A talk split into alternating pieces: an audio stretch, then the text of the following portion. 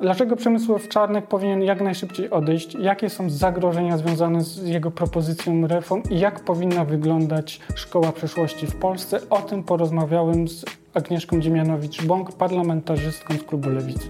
Do zobaczenia. Bardzo serdecznie zapraszam do udziału w naszej rozmowie o edukacji, bo edukacja jest szalenie, szalenie ważna.